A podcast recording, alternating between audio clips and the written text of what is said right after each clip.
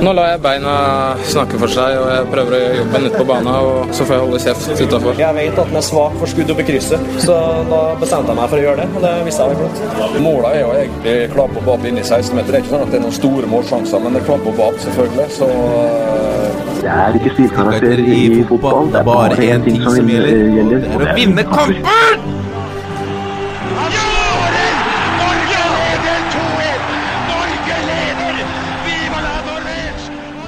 Og der er eh, toppfotball tilbake eh, igjen. Eh, og nå nærmer det seg virkelig det vi har venta på i hele vinter. Det har vært lenge, selv om, selv om vinter, vinter Jeg kaller det en slags vinterpause etter cupfinalen fram til første serieomgang sparkes i gang. Den har ikke vært så lang som den har pleid å være tidligere. Det har gått fort, samtidig så har det gått jævlig sakte, for å si det rett ut. Eh, Lasse Wangstein, velkommen. Takk for det. takk for det Du har eh, eh, bunkret opp med diverse eh, vitaminer. Skulle tro du var sponsa eh, av ulike typer medisiner. Jeg burde vært det- fra et apotek. Ja, ikke sant? Det, det, Jeg har remedier i studio i dag. Absolutt. Ja, jeg har det. Det er jo litt sånn forkjølelse etterdønninger denne influensavarianter, så prøver alt jeg kan for å komme meg gjennom en episode av Toppfotball. For det her vil jeg ikke gå glipp av. Nei. For at nå nærmer seg snart sesong, så at eh, nå, Ja. ja. Nei, altså Bare sånn for å begynne der, da. Ja. 15 minusgrader, effektive 20, grad, 20 minus med vinden. Det, er, det kan hende superfinalen blir avlyst pga. Av kulde. Brann er usikker på Mesterfinalen. Eh. Mesterfinalen, ja. Eh, kan hende Brann ikke klarer å åpne stadion, osv., osv. Er det lov å diskutere om vi starter sesongen litt tidlig i Norge? Eh, ja, det er lov. La oss uh, slippe til eh, Joakim Bårdsen uh, aller først. Velkommen tilbake, Joakim. Tusen takk for det. Deilig å ha ditt vestlandske fjes i dette studioet igjen. Ikke like deilig å høre på dine forsøk på Stavanger-dialekt før vi begynte her, men kjekt å være tilbake. Nei, ja eh, vi, vi testet litt lyd før vi dro i gang, og Joakim Bårdsen Bårdsen skal gjerne ha lyden litt ned eller litt opp. For han har litt larve stemme. Jeg har ikke sånn radiostemme som du, vet du. Det er riktig. uh, ja, la oss ta diskusjonen med en gang, da, Bårdsen. Er- Starter vi sesongen for tidlig? Nei, det syns jeg ikke. Eh, se på eh, bildene fra England f.eks. nå, der Newcastle må trene innendørs pga. snøvær i, i nord, og, og de må takle det. Og de er jo på et uh, enda høyere nivå enn Eliteserien, selvfølgelig. Og de fikser det, og da må vi òg kunne fikse det her i Norge, mener jeg. Men det er vel litt mer, det er vel litt mer penger i Newcastle til å holde gressbanen ren enn en, uh, i, Jo da, men eh, sånn jeg ser Jeg var i Kristiansand her nå nylig sjøl, og Sør Arena eh, ligger eh, dekka av eh, snø, men eh, det er mulig å å måke en eh, kunstgressbane, og forhåpentligvis er det eh, varme under, og da er det ikke noe problem for de lagene som, som har kunstgress. Og da må vi eh, gjerne være smarte og sette opp eh, de første rundene på stadioner med kunstgress. For det har vi jo Det har det jo NFF gjort. Alle, samtlige kamper i første serierunde er på kunstgress. Ja, og det er bra. Så da løser du på en måte den. Ja. Eh, men det er jo sånn disse gressbanene, da, hvis det er eh, 15-20 minus Så det er ikke alltid at det undervarmen tar.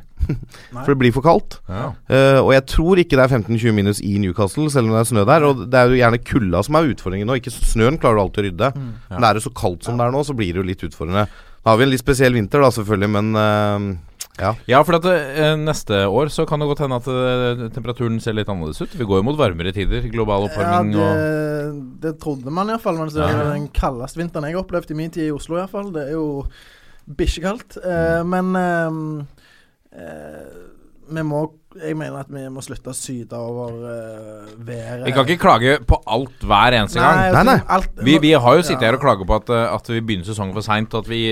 eh, Jeg- Men vi jeg- har jo Ja. Jeg er en av de som mener at vi bør uh, uh, jage etter en tidligst mulig seriestart. eh, eh, for å strekke sesongen. Eh, vi har hatt eh, enormt lange oppkjøringer lang, lang tid. Nå er det en kortere oppkjøring enn normalt. Og vi må få kamper som teller i større deler av året. Vi må få eh, spillerne i konkurransesituasjoner, og det gjør vi med å strekke sesongen eh, eh, som vi gjør nå.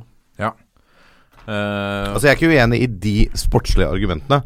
Uh, men jeg Altså når vi sitter her med halvannen meter snø og brøytekanter på tre meter Men det er jo det sportslige Jeg i hvert fall mener at det går på bekostning av å starte senere, selv om andre vil eh, hevde at eh, ja, det går utover spill og det er fare for eh, eh, de som er ute på det hvis det er harde gressmatter og sånn. Så, men jeg, dette må vi bare løse, mener jeg. ja. Vi løser det. ja eh, jeg er i hvert fall veldig glad for at vi alvoret kommer i gang. Ja, det er jeg enig i, for den der oppkjøringa vår er jo altfor lang. ja, det, jeg syns jo det, og det Um, Bedre med kammer som betyr noe. Ja, men, altså løye for de som forstår det ordet, å se Lasse som sitter og heller oppi med hostesaft og Jeg antar det er hostesaft. Dette er hostesaft. En liten shot med hostesaft. Sånn uh... Jeg gleder meg til du skal surre deg gjennom et slags uh, tabelltips på slutten av denne sendingen. Ja, det blir bra. Eh, Nei, det, er, det er det jeg forbereder meg til nå. Det er at jeg skal klare å komme meg gjennom. ja, Dette er la, til deres glede. la meg uh, gå raskt gjennom hva vi skal snakke om i denne sendingen. Vi uh, Mm. skal Vi skal ta for oss eh, noen eh, regelendringer, annet, som både fra vårt kjære kongelige norske fotballforbund eh, og øvrig i Europa. hvordan det kan påvirke påvirke norsk fotball. Vi skal kikke nærmere på overgangene i, i Eliteserien. Dvs. Si ikke gå gjennom alle i detalj, for det har vi gjort tidligere. Men se på hvem som har klart seg bra, hvem som fortsatt har hull i stallen. Og så skal vi runde av sendingen med et hvert vårt tabelltips, og kanskje til og med komme fram til et slags fellestips som vi skal publisere på diverse SoMe-kanaler. Eh, det blir en slags sånn eh, en spådom fra hver og enkelt. Det er spennende å se hvor eh, samkjørte vi er. Vi har en slags fasit. eh, Nei.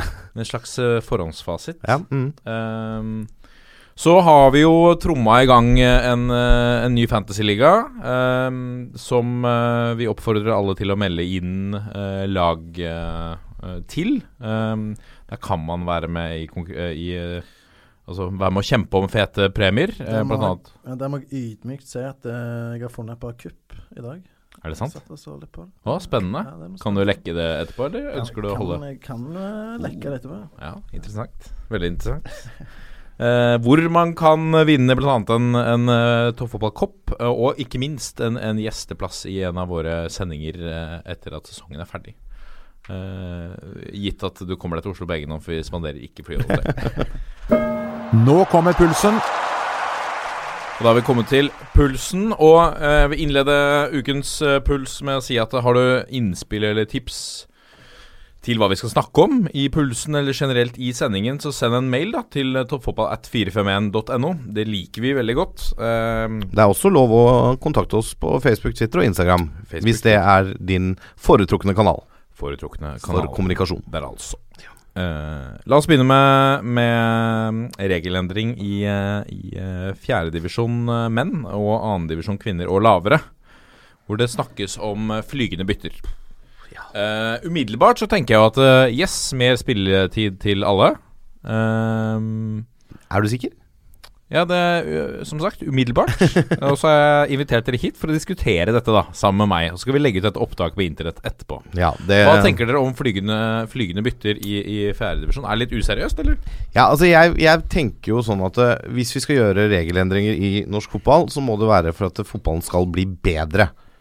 Ja. Altså at vi skal utvikle oss og bli bedre på både kort og lang sikt. Jeg er usikker på om dette nødvendigvis gjør fotballen bedre. For at i utgang, sånn i, nå da, i fjerdedivisjon, så kan en klubb hente inn en ordentlig uttrent uh, type som meg, som har en kjempebra frisparkfot. Hver gang de får frispark fra 25 meter inn, så dytter de han innpå, skyter han frispark, og så bytter de den ut igjen. Så han bare inne for å slå, slå Du kan spesialisere sånne roller. Og han er god på cornere. Hom håndball. Håndball, ikke sant? Og jeg er Det er jo interessant. Ja, det er interessant, da. da. Det kan jo bli mye bra taktikk og sånn i det. Men også er jeg litt usikker på flyten i spillet, om det blir bedre av å bytte så mye. Ja. Altså, og er, Han orker å løpe fem minutter, og så må han av, og så må han hvile i tre kvarter, og så får han fem minutter til i andre omgang. Jeg, jeg syns dette virker litt sånn hasteforeslått, da. Eh, så jeg er litt enig med han Tor uh, Torgeir Ruud Ramsli, er det han heter? Ja. Eh, Tidligere eliteseriespiller. Tidligere eliteseriespiller. At dette er litt merkelig. Jeg syns uh, Hvis det blir satt uh, noen begrensninger her som gjør at eh, eh, denne Lasse Wangstein-strategien med å bytte inn og ut for hvert frispark ikke er mulig å gjennomføre. At det f.eks. kun er lov til å bytte en person inn to ganger i løpet av en match.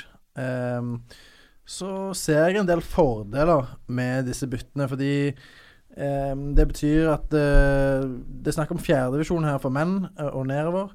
Eh, Det betyr at det er en kompisgjeng på tur. At det, det kan bli mer spilletid, og dermed lettere å stable en tropp et lag på beina til bortekamper. Eh, Hvis du spiller i fjerde-femte divisjon eh, og eh, får fem minutter eh, etter å ha sittet i buss i fire timer, så er ikke det så kult. Eh, på den måten så kan de gjøre det eh, enklere.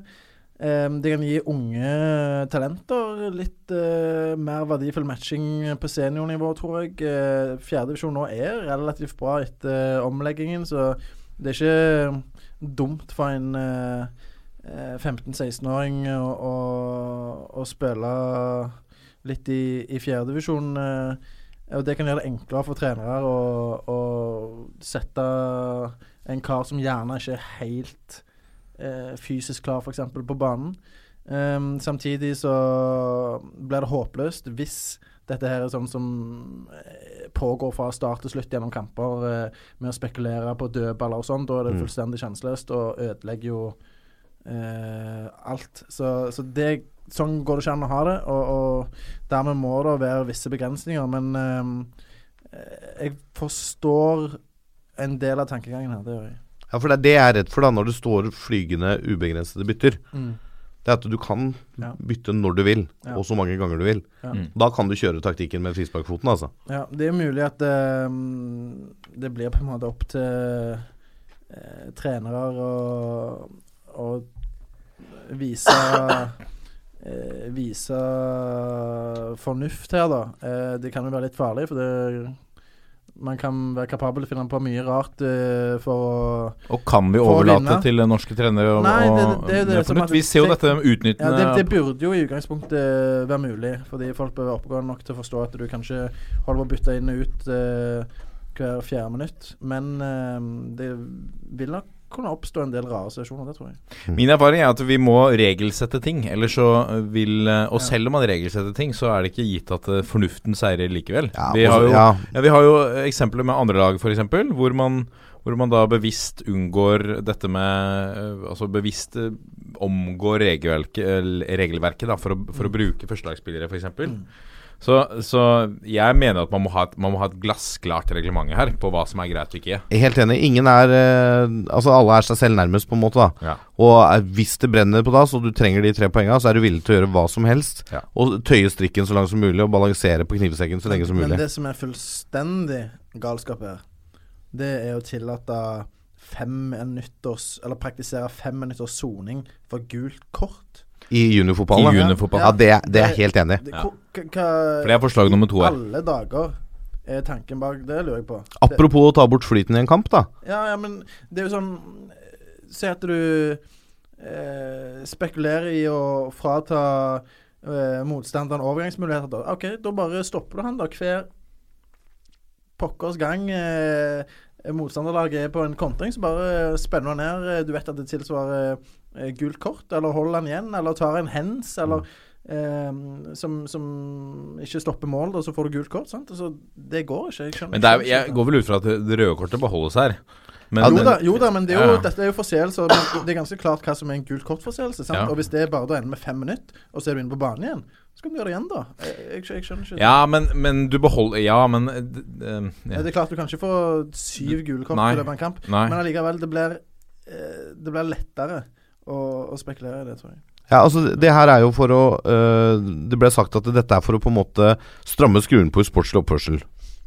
Og Derfor Ja. innfører de dette. Mm. Og jeg vil jo tro at det fortsatt er sånn to gule kort er lik rødt. Så du får den ene sjansen, men da må Ja, ja. du sone i fem minutter. Ja, men, Men men, du kan òg Du kan òg eh, eh, bytte såpass mye da at det spillere kan ta disse gule kortene. Ja, kan du ha fly, Er det flytende bytter i junior òg? Det er jeg litt usikker på, faktisk. Ja, og så kan du få en ny mann inn i stedet. Da, sant? Ja, ja. Det, jeg syns det er rart. da Det, det er liksom ikke Jeg- sånn fotball Jeg er helt enig, men jeg tenker hvorfor heller ikke stramme eh, regelverket på usportslig oppførsel? da? Legge lista litt grann lavere, og være litt strengere på å slå ned på det i kamp. Sånn at ok, du, eh, hvis du er usportslig, så får du det gule kortet, men så, så er det ikke sånn at det er dritvanskelig å få gult kort nummer to. Nei. At du ryker ut. Jeg kan si I dag så er det slik at eh, i, i eh, Altså Vi kjenner jo reglene i, i Eliteserien Obos, toppserien Post Nord, førstevisjon kvinner. eh, hvor det er tre innbyttere. I tredjevisjon så er det jo fem innbyttere. eh, hvor alle kan bruke, brukes. eh, og i, i eh, øvrige seniorkamper, altså fjerdedivisjon og nedover på herresiden, og annendivisjon nedover på kvinnesiden, så er det per i dag på lik linje med juniorfotball samt gutte 17 eh, syv innbyttere som kan byttes ut og inn. Og så er vi ned på, på guttelag eh, 16 og 13, hvor det er flyvende innbytte under spillets gang. Okay. Altså, det er jo ehm, eh, i, ehm, eh, Jeg kan altså, eh, dra og se en, se en seriekamp hvor folk løper inn og ut av banen nesten ukontrollert. altså via midtbanen, selvfølgelig. Altså via midtstreken, på en måte. Ja. Men, men at man skal fly inn og ut der jeg, jeg, jeg ser ikke poenget med når man allerede har en regel som, som gjør at de syv innbytterne kan byttes ut og inn. Hvorfor skal man legge til et flyvende element der? Jeg fatter ikke helt Nei, det- er Er det, er det et underholdningsforslag? Altså, er Trekker vi flere tilskuere til fjerdedivisjon pga. det her? Altså, det, Taktikken du nevner, da å bytte ned en fyr som er god på frispark, det kan man jo gjøre i dag allerede. Jo, det kan du, men da, da må han allikevel stå på banen resten av kampen, eller byttes ut igjen og miste to bytter på det, da. Ja, eller Nei. tenker du mer flyvende bytter? Nei, eh, per i dag er regelverket følgende. Syv innbyttere som kan byttes ut og inn. Ja. Så byttes du ut i fjerdedivisjon, så kan du komme inn igjen. ja. Det skilles på det eh, og flyvende bytter, som i dag kun eksisterer på gutter, jenter 16 og gutter, jenter 13. Ja, flyvende er jo at det kan byttes hele tida under spillets gang. Ja, under spillets gang, ja. Ja. Og da opplever jeg det uten, uten, å, uten dommerens godkjenning. Ja, det nei, jeg, Det virker for meg helt, helt uh, fjernt. ja, jeg, jeg, jeg, jeg sliter litt med å forholde meg til det, faktisk. Ta litt mer medisin, eh, Magstein. Jobbe med saken. Ja. Uh, vi stemmer i hvert fall nei. er det sånn jeg tolker det i dette studioet, eller? Ja, det, Det hadde vært et interessant eksperiment. Kan ikke dere eh, prøve det i Ørn Christiania? Uh, uff, det er uh, Det- dere får legges ned, for øvrig. Nei. Jo. Er det derfor du sitter med brun genser i Vi skal, kan ha en egen spesialsending om akkurat det. Ja, greit, greit. jeg, jeg, Eh, jeg, jeg merker at jeg har ikke helt eh, koll på disse byttereglene nedover i divisjonene, men uh, Nei. jeg blir ikke noe klokere av dette heller. Nei. Eh, mens vi er Jeg tror kanskje jeg skal melde meg på det forbundstinget. Det er forbundsting nå til eh, helgen. Jeg tror kanskje jeg skal hive meg med neste år og foreslå at vi gjeninnfører amerikanske straffer. Uh, oh. Som det jo var uh, Som Tom Skanke. Hockeystraffer? Eh, eh, ja, Ja. ja. Og som ble praktisert i MLS på et eller annet tidspunkt. Mm. eh, hvor det var snakk om å gjøre det i Norge. Det hadde vært Thomas Skanke, han foreslo det. Ja, det, jeg tror det aldri ble innført. Nei, men han hadde jo den andre straffevarianten hvor det uavgjort så ble det straffekonk. Og, Ja, så og det gjorde de ett år. Ja. Men nå kan vi gjennomføre det. Med amerikanske, straffer. Ja, amerikanske straffer, er det hyller jeg. Etter uavgjort. Lykke til. Eh, andre regelendringer. ehm, eh, vi skal til Champions League, eh, hvor eh, storklubbene her nå favoriseres. Fordi at det blir vanskelig og vanskelig for mindre nasjoner som vår egen eh, å få med lagene sine. Ehm, da eh, større eh, fotballnasjoner som England, Spania, Tyskland, Frankrike får flere automatisk kvalifiserte lag. England annet får nå topp fire rett inn i serien uten kvalifisering. Dette gjør at nåløyet blir mye trangere, ehm, og eh, litt som Ivar Koteng i, i Rosenborg sier, at eh, nå blir det tilnærmet umulig for en klubb som Rosenborg å kvalifisere seg. Hva er eh, eh, Altså, jeg vet hva jeg tenker om dette. Hva, hva, hva, mm, hva sier følelsesregisteret deres? Um, jeg skjønner jo de som uh, sier at eh, det er på en måte pengene som rår, og at det er de som legger press på Uefa. Og Uefa er opptatt av å tjene penger, de òg. Og, og etterkomme uh, de de anmodningene for å si det sånn da, fra de store pengesterke klubbene som, som eh, TV-selskapene betaler enorme summer for å, å sende kampene til og sånn. Og eh, det er klart det er jo trist at det blir vanskeligere for et lag som Rosenborg og for eh, København, eh, som jeg liker å følge i, i Champions League med Ståle Solbakken og, og sånn. Um, så jeg er litt spent på å se hvordan dette slår ut. Nå blir det jo fire eh, ligaer med Spania, England, Tyskland, Italia som får fire klubber automatisk inn. Og så har du Frankrike, Russland som får to. Portugal, Ukraina, Tyrkia, Belgia får ett. Eh, samt at vinneren av Champions og Europa League er plass. Og da gjenstår det ikke veldig mange plasser. Det er eh, seks eller Fire plasser igjen. Fire plasser igjen, ja. Ja. Sant? Og da, da, er, da er det klart at det nåløyet der er, er veldig lite, med tanke på et, eh, et land som, Seks som plasser Ne- Nederland, for Ja. Ja. det er seks plasser. Ja. Ja. Et land som Nederland ikke er um, automatisk kvalifisert og er, går inn i den potten. Sant? Med, Nei, men når vi ser på et lag som Ajax, som, som jo Rosenborg slo i, i fjor, så er det vel Mm. ikke Den ligaen der per nå hører vel ikke hjemme i, i, helt i eliten i Europa heller. Nei, men det sier jo litt om eh, konkurransen her. Da. Det betyr ikke at det er seks eh, klubber fra eh, type eh, Norge, Sverige, Danmark og Hviterussland eh, det står om her. Sant? Det, det blir rimelig eh, heftig eh, kamp. Som det allerede er fra før. Det er jo Altså Selvfølgelig så vil man alltid matche seg mot de beste. Ja. Og det er jo derfor man drømmer om Champions League, og Rosenborg gjorde det bra der på slutten av 90-tallet, begynnelsen av 2000-tallet. All ære til de for det, men det var litt andre forutsetninger da, tror jeg. Du ser allerede nå hvor stor forskjellen er i internasjonal fotball. Altså I åttendelsfinalen i Champions League i år så vinner da eh, Manchester City 4-0 borte mot Basel og avgjør den åttendelsfinalen før hjemmekampen. Liverpool slår Porto, som er tidligere vinner av Champions League, 5-0 på bortebane og avgjør egentlig den kampen, eller det oppgjøret, før første omgang er ferdig. Eh, hvordan hadde det sett ut, da? Hvis det var Rosenborg eller IFK Göteborg eller noen av de som sto på andre sida av banen istedenfor Porto eller Basel. Det hadde jo ikke blitt noe penere. Tenker jeg. Nei. Så da kanskje Europaligaen eh, Europa League er et bedre nivå for norske, svenske, danske klubber da å øve seg mot bedre motstand. For det er mer enn god nok motstand i Europaligaen. Jo da, men det er jo klart Det er jo Det store, store drømmen her er jo å komme inn i de gjeveste selskapet. Selvfølgelig. Og få lov til å spille på Santiago Bernabeu mot eh, Real Madrid og slå de 2-0 på hjemmebane, som Rosenborg eh, tidligere har gjort. Og em, en effekt av dette her er jo at de rikere blir rikere. Og de eh, fattigere blir fattigere.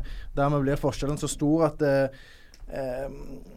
det ble jo til slutt umulig eh, for en klubb som Rosenborg å, å gjenta eh, bedriftene de har gjort før mot disse store klubbene. Samtidig så husker vi Rosenborg har gått på store smeller i Europa, eh, selv i storhetstida. Mm. Så jeg er ikke Jeg er ikke helt der at em, jeg gir opp på vegne av de små klubbene. Jeg tror Nei. fortsatt på eventyr.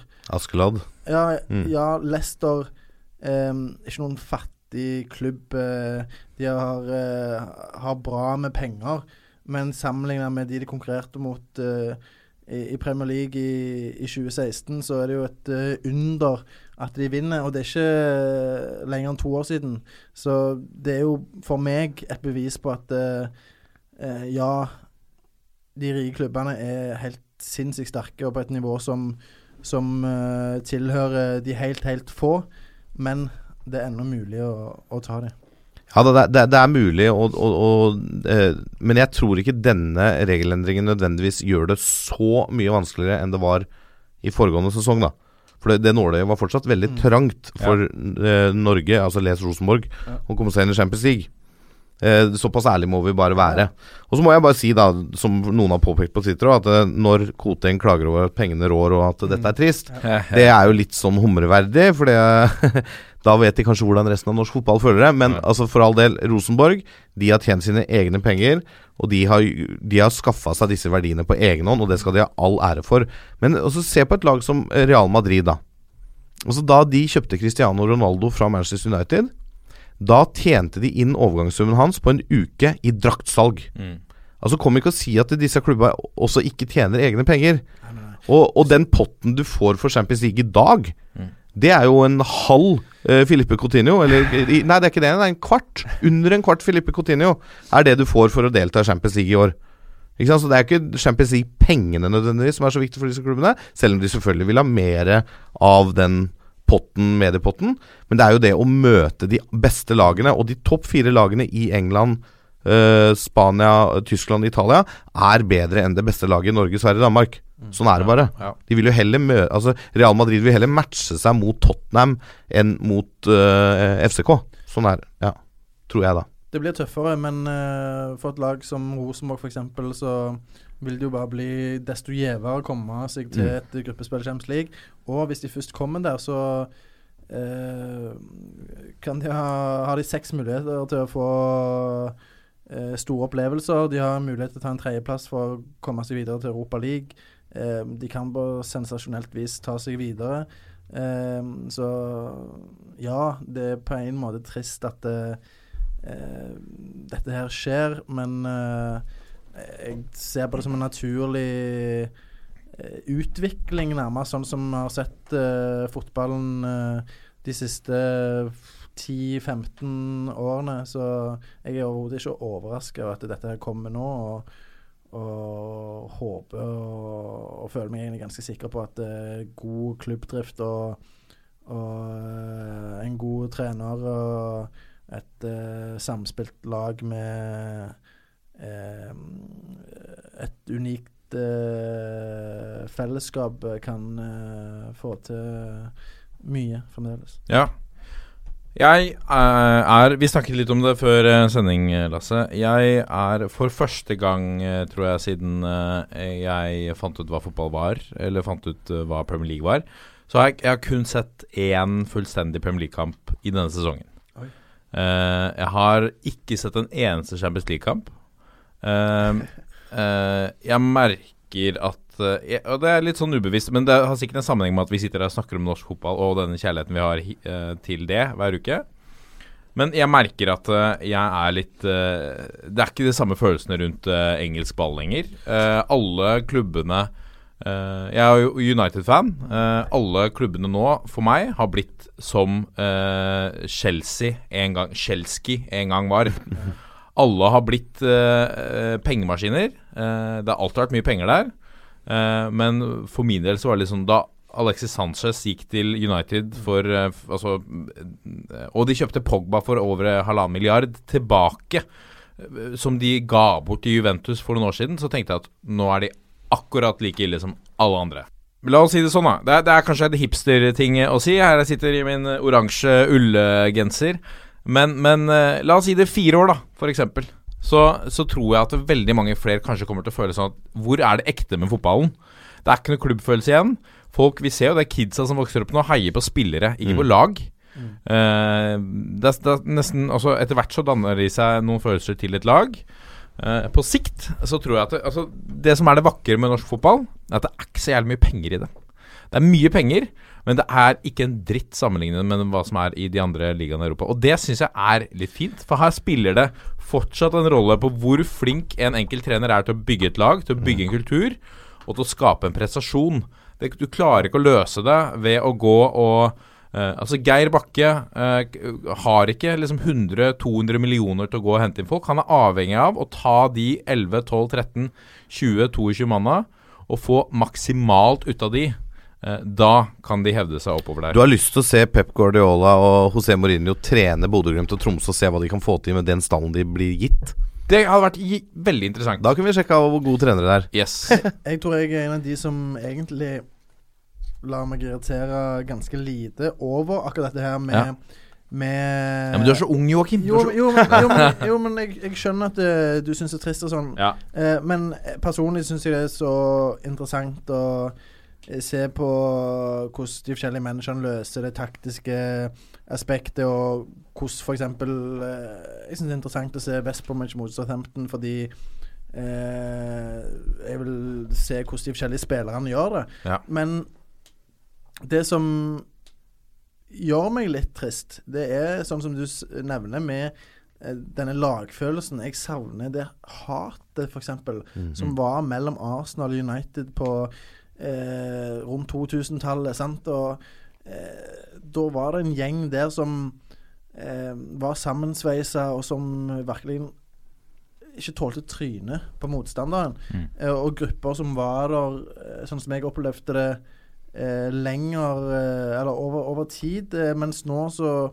kommer det og går spillere oftere. Eh, og det er bra at folk er venner, selvfølgelig, men jeg savner litt av det rivaleriet. Det er litt mye likes på eh, rivalens Instagram-konto eh, for min smak, og litt for mye eh, Litt for mye glamour, da. Og eh, jeg er tilhenger av at eh, spillere skal få lov til å være den de er. Eh, hvis du liker å danse, dans og, og kos deg. Og hvis du liker diamanter, da bare så ha det. Eh, masse tatoveringer. Det er helt fint. Ja. Men jeg savner litt av denne råskapen, da. Ja, ja. Jeg, jeg føler ofte at det blir litt for fint, og det det jeg gjerne Det er iallfall det jeg ser i norsk fotball, da.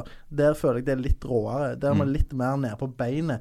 Der er det folk som eh, på en måte må kjempe litt mer for eksistensen. Mm. Eh, der er på en måte den eliteseriekontrakten de har, er levebrødet. Den er de avhengig av å ha. Ja. I Premier League så er det én kontrakt der som 17-åring, så er du egentlig mm, Du er set for life. Ja, nesten sikra for Ja, ja. livet. Sant? Så det er liksom ikke så mye som står på spill, da, for å sette det veldig på spissen. Så det er det jeg liker med norsk fotball, at det, her er det Her er det på en måte Ja, det er mye råere, da.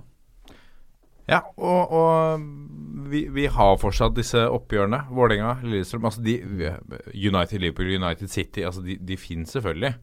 Eh, Men betyr så mye lenger. Nei, ja, Det er klart det betyr mye for de hardbakka supporterne. Selvfølgelig gjør det det. Ja. Og, og eh, til mer tid du investerer i eh, favorittlaget ditt, det viktige er det hvordan det går. Mm. Men så er det ekstremt med turister eh, som, som er der for opplevelsen, sant? Som, Ja. som tar bilder og, og, og filmer og, og sender på snaps. Eh, i, i det du ser eh, verdens beste spiller stå foran dem og, og feire en sant? istedenfor å være en del av øyeblikket. Og det har jeg gjort sjøl òg, det. Ja, ja. Eh, men, men sånn er det på en måte blitt. Og ja, jeg skulle, eh, skulle ønske at uh, gjerne fotballen sto litt mer i sentrum enn den gjør uh, til tider. Det blir litt mye Litt mye wrestling. Det er litt mye show. Ja, litt mye show, kan du si. Uh, så er jo det noe som gjerne etterlyser i, i norsk fotball. Større Ja. profiler. Men jeg mener det blir på et annet nivå igjen. For det liksom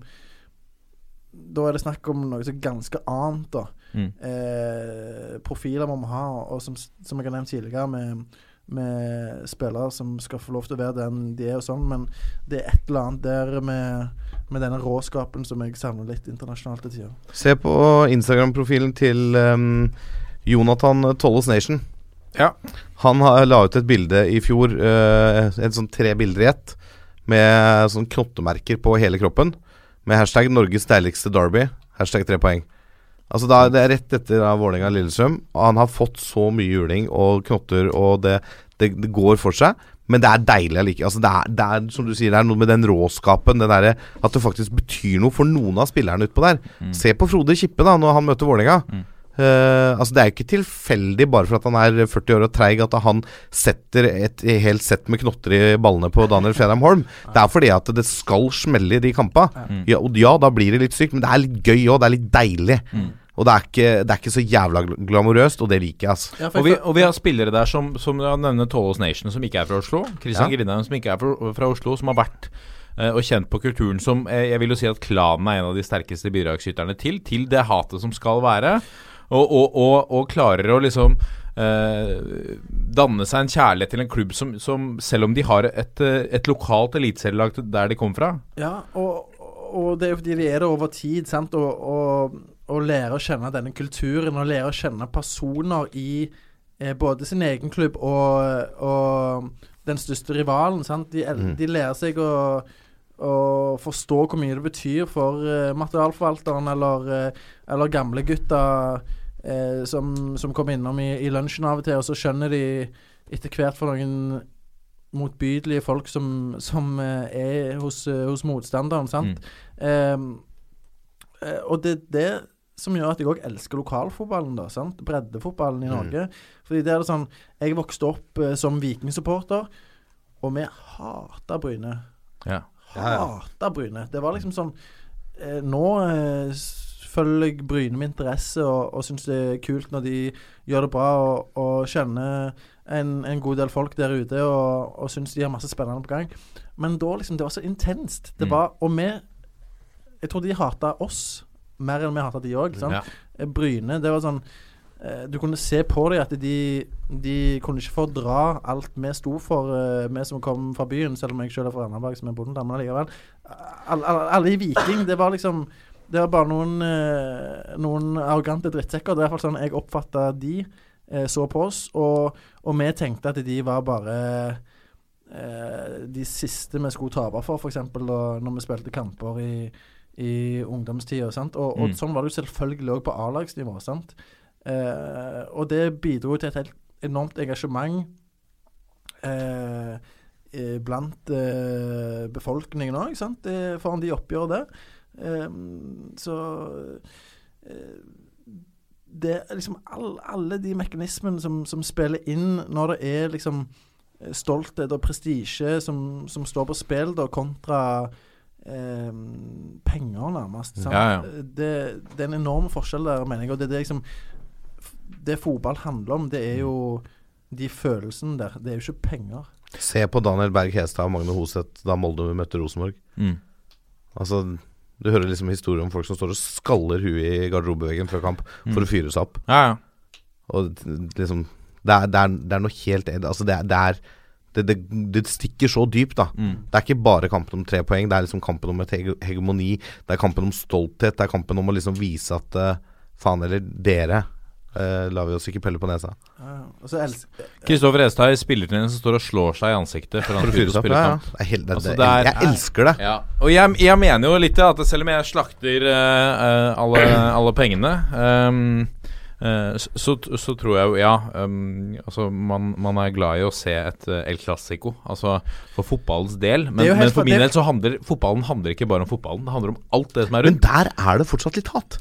I El ja. klassiker. Ja, ja, det kan jeg Ja, ja Der- helt men- enig. men men, Der er fortsatt følelser, Ja, men, men, jeg- jeg, skjønner hva du mener, sant? Og, og øh, sånn sett så uh, Så er gjerne ikke det det beste eksempelet, i og med at det er mye hat. Men jeg forstår hva du mener med disse storkampene. Mm. Uh, men igjen, så liksom grunnen til jeg følger Premier League uh, like tett som norsk fotball og, og elsker å se Champions League, sånn, det er fordi at da er det på en måte Nivået er så skyhøyt da. Ja. At det, underholdningsverdien derfor er stor. Mm. Men så er det det savnet etter, etter den uh, råskapen um, som, som gjør at det til tider uh, føles litt tomt. Ja. Uh, mens igjen da så får du disse klimaks som er f.eks. Real Madrid-Barcelona, der eh, eh, du før hadde eh, PP som eh, spente ned eh, motstander hele tida, og du har eh, du har eh, Ramos eh, mot Messi osv. Så, videre, så det er liksom eh, Det gjør jo at det selvfølgelig ennå er helt enormt når du får de matchene. Ja.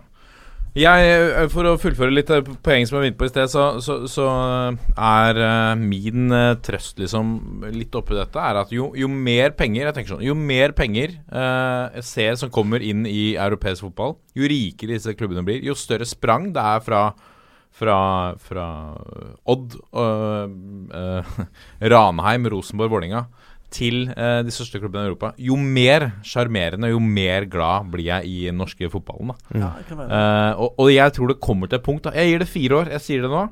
Eh, 28. februar eh, eh, 2018. Jeg gir det fire år, så begynner ganske mange å se at bare Nei, drit i det der. Altså Jeg håper jo at det, det blir et uh, taktskifte, at flere følger norsk fotball. Ja. Dette er toppfotball. Fra uh, snakk om cash til mer snakk om cash, men, uh, men denne gangen i norsk ball. Fordi at vi, vi, er, ikke, er ikke, vi, er ikke, vi er ikke fattige her på berget Berge heller. Vi bruker litt penger på spillere, vi òg. Ja, det blir jo henta litt spillere. Det blir jo solgt noen spillere også. Noen spillere går ut av kontrakt og forsvinner. eh, Og overgangsvinduet i Norge er jo på ingen måte stengt. Nei.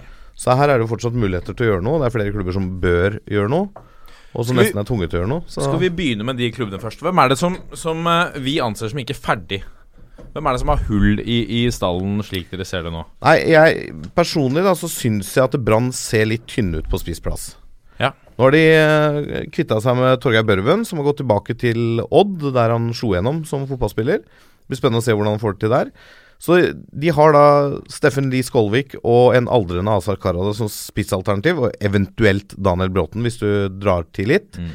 Eh, jeg tror det, selv om Skolvik er en veldig spennende type, at det blir litt tynt da til å bære dette Brannkamp-laget gjennom 30 kamper. Ja. Men Så jeg, nå, er det jo på til Henrik Kjelsrud Johansen. jeg ser det.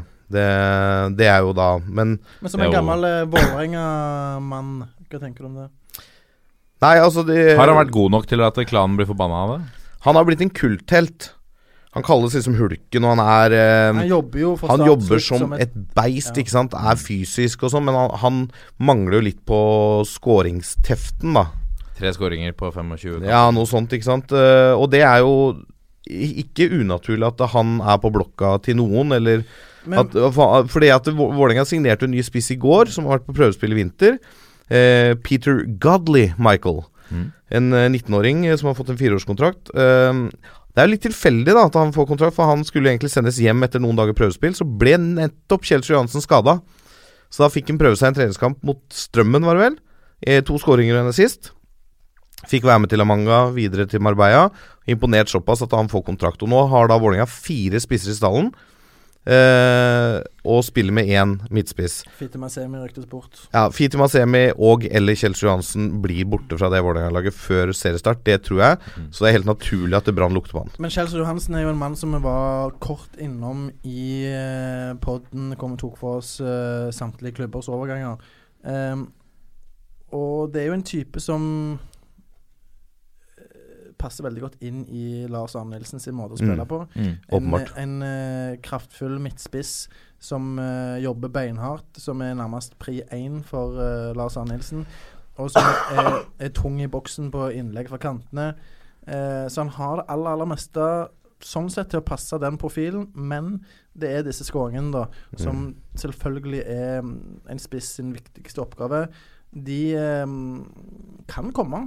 Det det har vært eksempler før på at spisser som har stått på og jobba beinhardt, eh, på en måte har brukt lang tid på å ta nivået, men plutselig gjort det, da. Mhm. Og da har jo han de fysiske forutsetningene for å være en målskårer. Og han har putta mye før, han har putta mye på toerlag osv. Så, videre. eh, så er det liksom Hvis du alltid er det halvt sekund for seint på innlegg, det er jo ofte det som skiller eh, en spiss fra å skåre mål i, i andre divisjon og førstedivisjon og, første divisjon til Eliteserien. Fordi at det, når du kommer opp etter eh, et nivå, så går det bitte litt fortere. Eh, eh, så istedenfor at du er i rett posisjon når det innlegget kommer, så er du litt for sein, og stopperen eh, kommer foran. Sant? Men etter hvert, og som han har jobba, jobba, jobba, så ser jeg ikke helt bort ifra at han eh, plutselig kan eh, ta nivået på den måten som gjør at han blir et fysisk monster å møte i duellene, Mm. eh, og at han begynner å komme mer og mer i forkant. Eh, på HV vet vi at han er solid og, og har eh, bra avslutningsegenskaper. Og så er det jo det med å sette sjansene selvfølgelig når du får de òg ellers. Men det har litt med å finne en ro i, i deg sjøl og i, i avslutningsøyeblikket som gjør at det, eh, du setter de sjansene, og selvfølgelig han vet sjøl at han har, han har knapt skåret uh, eliteseriemål i hele karrieren. Uh, men spilt uh, ganske mange kamper. Det er vel rundt 60 kamper i Eliteserien. Så uh, det vil jo prege han litt, stresse han litt. Men hvis han kommer i gang, så tror jeg at han fort kan putte ti mål i Eliteserien i sesong. Jeg, jeg ser ikke bort fra det. Og da er han en god mann å, å ha i i eh, bakhånd, vil jeg si, da. Eh, I utgangspunktet, iallfall til å begynne med, eh, bak Steffen Lie Skålvik, som jeg syns har sett eh, eh, positiv ut i vinter, og som, som har et eh, steg, han har fart. eh, han har vist òg at han kan putte mye mål. Um, og har et uh, høyere nivå inne enn Chelsea Johansen akkurat nå, men de kan egentlig utfylle hverandre ganske greit. Og, det, og så er det det med miljøskifte kan slå positivt ut. Eh, sånn som Vålerenga har henta i vinter med spisser, så har han ikke noe uh, framtid i Vålerenga, mener jeg, da. Selv om han er en perfekt sånn type å sette inn. når du skal bryte opp litt. Og han er en spiller som supporterne veldig fort blir glad i fordi han alltid gir maks. Han kriger i hver duell, han gir aldri opp, og han dunker til i duellene. Han tar noen trøkker og fortsetter. Så han går han til Brann, selv om Brann-fansen er skeptiske. Tror jeg han kommer til å bli godt likt på Brann stadion. Altså. Altså, jeg, så... Jeg må bare kommentere før vi går videre at nå åpner faktisk Joakim Bårdsen sin andre solo super med jordbær her. Jeg Ja, altså det, Solo Super har jeg nettopp opp med jordbær, uh, vel å merke, har jeg nettopp oppdaget. Så den er okay. sånn eh, Det er en ny eh, variant som jeg eh, vi er ikke, dette er ikke en spons. Appelsin og jordbær. Nei, nei, nei. Det er bare en betraktning. Appelsin og jordbær. Var, det var en Han har, skal nå dytte nedpå én liter med Solo Super i det denne var en- sendingen. Det var en som eh, Det var en på jobb Ja. som, som skulle kjøpe brus til meg, som kjøpte feil. Jeg skulle ha vanlig Solo Super. Oi. Uh, og så kom denne varianten her, og så syns jeg den er veldig bra. Ser ut som blandevann. Og så uh, er jo sannheten at jeg drikker ekstremt mye lettbrus. Ja, gjør det? Ekstremt mye. Jeg får sjokk når jeg ser i kjøleskapet til folk at det, det står liksom en halv halvliter. Jeg har ikke drukket den opp, sant. Det, det går ikke. Men eh, hvor var vi henne? Nei, vi Vi, Vi kan fortsette med litt huller. Ja, la oss f- fortsette med litt hull. Eh, Eh, Men, jeg- Mol eh, Molde har jeg lyst til å snakke om. For at der har de, har de tettet eh, Vi har snakket om et hull der etter Bjørn Bergman Sigurdarsson. Ja. Det er vanskelig å tette hullet etter han. Eh, har de nå klart det med Daniel Chimachukwu? Jeg skal si én ting av det jeg skulle si. Um, Davy Vatne var det vel som tvitra at eh, Om brus? Ikke om brus, men det passer jo for så vidt bra. Han liker Ja. lettbrus. han også. Men uh, han tvitra at uh, han hadde vel knapt uh, sett større skepsis eller motstand til et potensielt spillerkjøp som han har opplevd nå med Henrik Kjells Johansen. Og da ser jeg at bergenserne må roe seg helt ned. Mm. Fordi at uh, Kjels Johansen er overhodet ikke så dårlig som det virker som de tror. Nei. Helt enig. Nei. Men Molde Jo, eh, de har henta Daniel Shimashuku, som eh, de kjenner fra før. Ja. Eh, han, apropos fysisk beist, han er en maskin av en spiller. Han skårer ikke like mye mål som Bjørn Bergman Sigurdsson. Men det som har skjedd nå, er at han, Thomas Amang har jo begynt å røre på seg i vinter, så han kan jo fort få den spissplassen Leken Tetrick her hat-trick her om dagen, ja. Og så har du, du Fredrik Brustad virker ganske sikker i toppkonstellasjonen der. Så har du jo selvfølgelig, som vi nevnte i livepoden, Erling Braut Haaland, dette beistet av en 17-åring.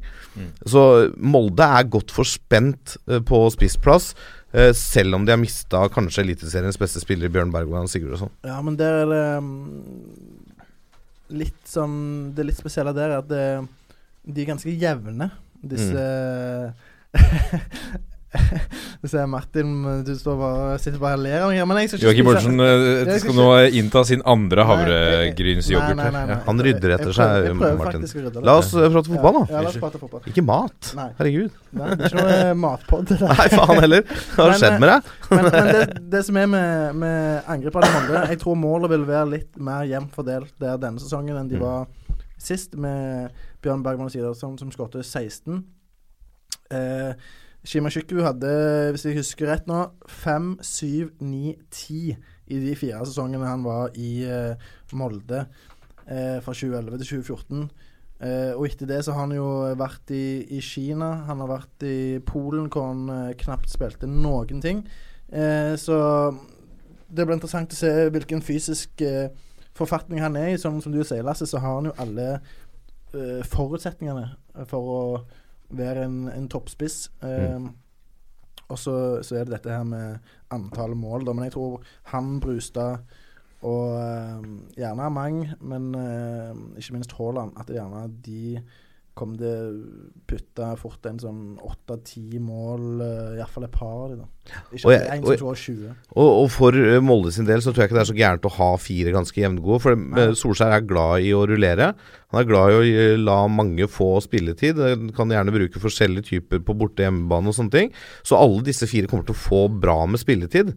Uh, selv om Amang skulle starte første seriekamp foran uh, Shimashuku f.eks. Samtidig så er det et usikkerhetsmoment for en trener å ikke vite helt hvem du skal stole på. Mm. Eh, hvis du har en spiss som du vet dunker inn en scoring eh, eh, minst annenhver kamp, eh, så kan du på en måte nærmest regne inn de målene der. Eh, mens eh, hvis det går i rykk og napp for enkelte, så, så er det mye verre å ha Brustad på banen, og så går det seks kamper uten scoring. Da vil du heller ha en som, som leverer stabilt, naturlig nok. Og da, det syns jeg er en veldig god over... Nei, det er ikke en overgang, egentlig. Til Jeg skulle si til Vålerenga, da. Ja, men uh, vi har snakket om Vålerenga. Nei, men uh, apropos huller. Ja. Én ting er jo det med spissplassen. og Jeg er veldig spent på han nye Sam eh, Johnson. Eh, for Vålerenga trenger jo en, åpenbart en spiller som kan skåre mål, men jeg syns de mangler midtbane. Altså Jeg syns de er tynne på midtbanen. Ja. I hvert fall hvis man tar høyde for hvordan det ble levert i fjor på de som er igjen. Nå skal jo Daniel Fredheim Holm omskoleres til sentralt og sånn. Det kan være spennende. Fungert bra på anker, Ja, fungert sier, bra. eh, Men uh, jeg er litt grann spent der. Jeg syns Vålerenga ser godt forspent ut ellers. Men uh, Vi skal innom noen tabelltips her senere. Så vi kan jo ta det da. Der kommer du til å slakte Vålerenga. Da vil jeg iallfall uttrykke litt skepsis. Ja. Eh, jeg har lyst til, uh, uh, mens vi snakker om hull Så, så eh, Det var jo helt åpenbart noen hull i Odd i fjor. De skåret vel til slutt færre enn endte opp med færre skårede mål enn Viking, som rykket ned. 27 mål på 30 kamper der. Ja. Eh, det var åpenbart for oss alle at her skjer det Her er det bare å vente til det kommer inn noen spisser. Fordi at Oliver Jorsen har gått til uh, fjerdedivisjon, er det vel? Eh, Han var snakk om han som komme tilbake, da. til Odd? Ja. ja ok. Det, spørsmålet er om det er en, en løsning. Nå har de hentet Torgeir Børven. eh, en mann som kanskje ikke har fått det til helt som alle skulle tro og håpe i Brann. Eh, så er det litt som du sa, Lasse, kanskje et miljøskifte og tilbake til gamle trakter hvor han har gode meritter. Er, Ja, er Der har han prestert bra. før. Ja. Så dette, er, altså dette kan være på en måte det som redder karrieren til Torgeir Børven, som har vært mye skadeplaga òg. Og så har de hentet uh, Bilal Njay fra, fra Vålerenga. Ubeskrevet blad. Eller altså, Kantspiller. Ja. Ja, ung gutt som lille Bonde Mossa altså, i, Ja. i Stabæk, uh, som du ikke kan forvente veldig mye av denne sesongen. Nei, og uh, Tobias Lauritzen, som vi har snakket mye om her i forbindelse med, med kåring av eh, årets Trøm, blant annet. Eh, men men eh, det mangler vel noe her? Altså Legger de all sin lit til Børven og en, Ja, en har- Ocean som har trent i tredje Ja, i hele de har? Torbjørn Agdestein òg, som, eh, som eh, fikk eh, svært lite spilletid i fjor, og som eh, plutselig skulle bli omskolert til eh, anker anke opp midtbanen og, og Har han begynt å miste det, Fagermo? Ja, si det, men så har det også vært snakk om han skulle bort, og så putta han fire mål mot Stabæk i en treningskamp her, som plutselig sånn wow. Eh, men eh, Odd er et av de lagene som jeg tror kan få det veldig tøft. Mm. Um, og det har med at den troppen er veldig tynn. De har fremdeles en elver som ser brukbar ut på papiret. Um, fort med Eh, Rashani, eh, Børven, eh, Mladenovic eh, gjerne framme. Og, og du har Nordkveld og Jone Samuelsen fremdeles, fremdeles på midten. Og, og Espen Ruud Espen Ruud og, og- Steffen ja. Hagen og Fredrik Sem Berge. Sant? Men jeg syns det er tynt. Eh, de har et eh, problem med Sondre Aasberg-situasjonen, der han ikke vil skrive ny kontrakt. Og, og eh, derfor blir benka foreløpig. Um, og alt i alt så syns jeg det ser tynt ut i Odd, og jeg ser ikke på de som noen uh, medaljekandidater, i hvert fall. La oss runde av hullediskusjonen. Uh, Tromsø er det fair å ta opp. Uh, har solgt unna Thomas Rene Olsen til Lillestrøm.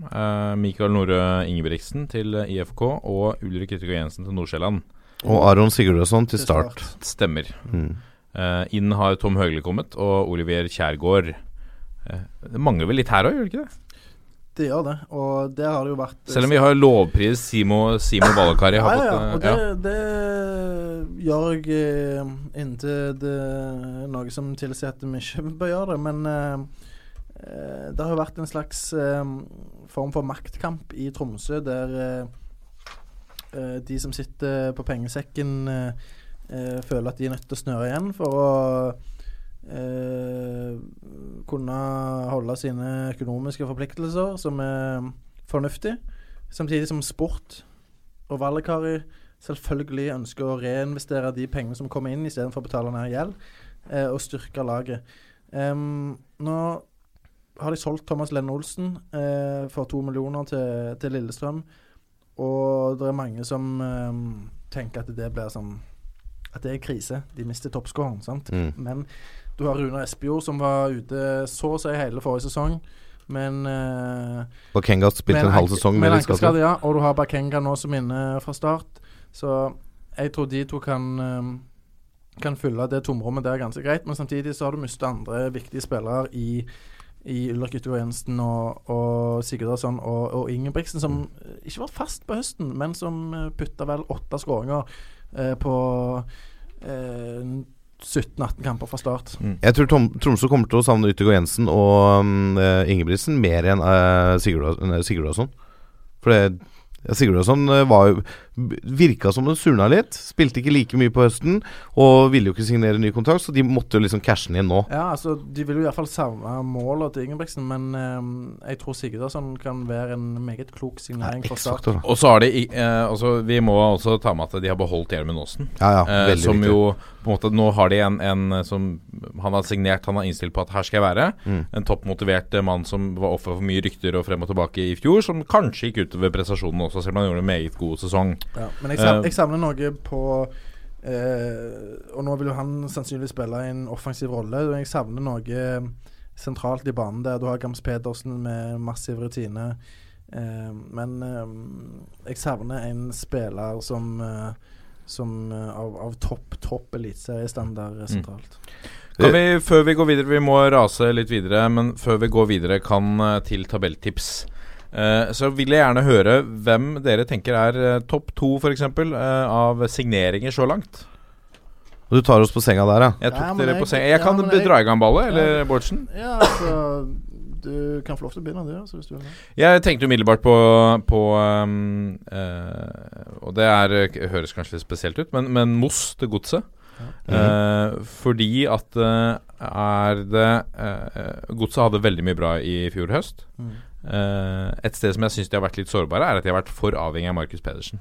Ja. Om han er av, eh, så har de Spillet har vært lagt opp litt for mye etter Markus Pedersen. Og så har de klart å spille seg rundt det, men vi ser hvor god han er når han er på sitt beste. Og det blir litt sånn uh, Skullerud følte jeg var nødt til å spille han, selv om Mm. han ikke var på sitt beste. Nå har de, med Moss, fått en, en potensiell toppskårer.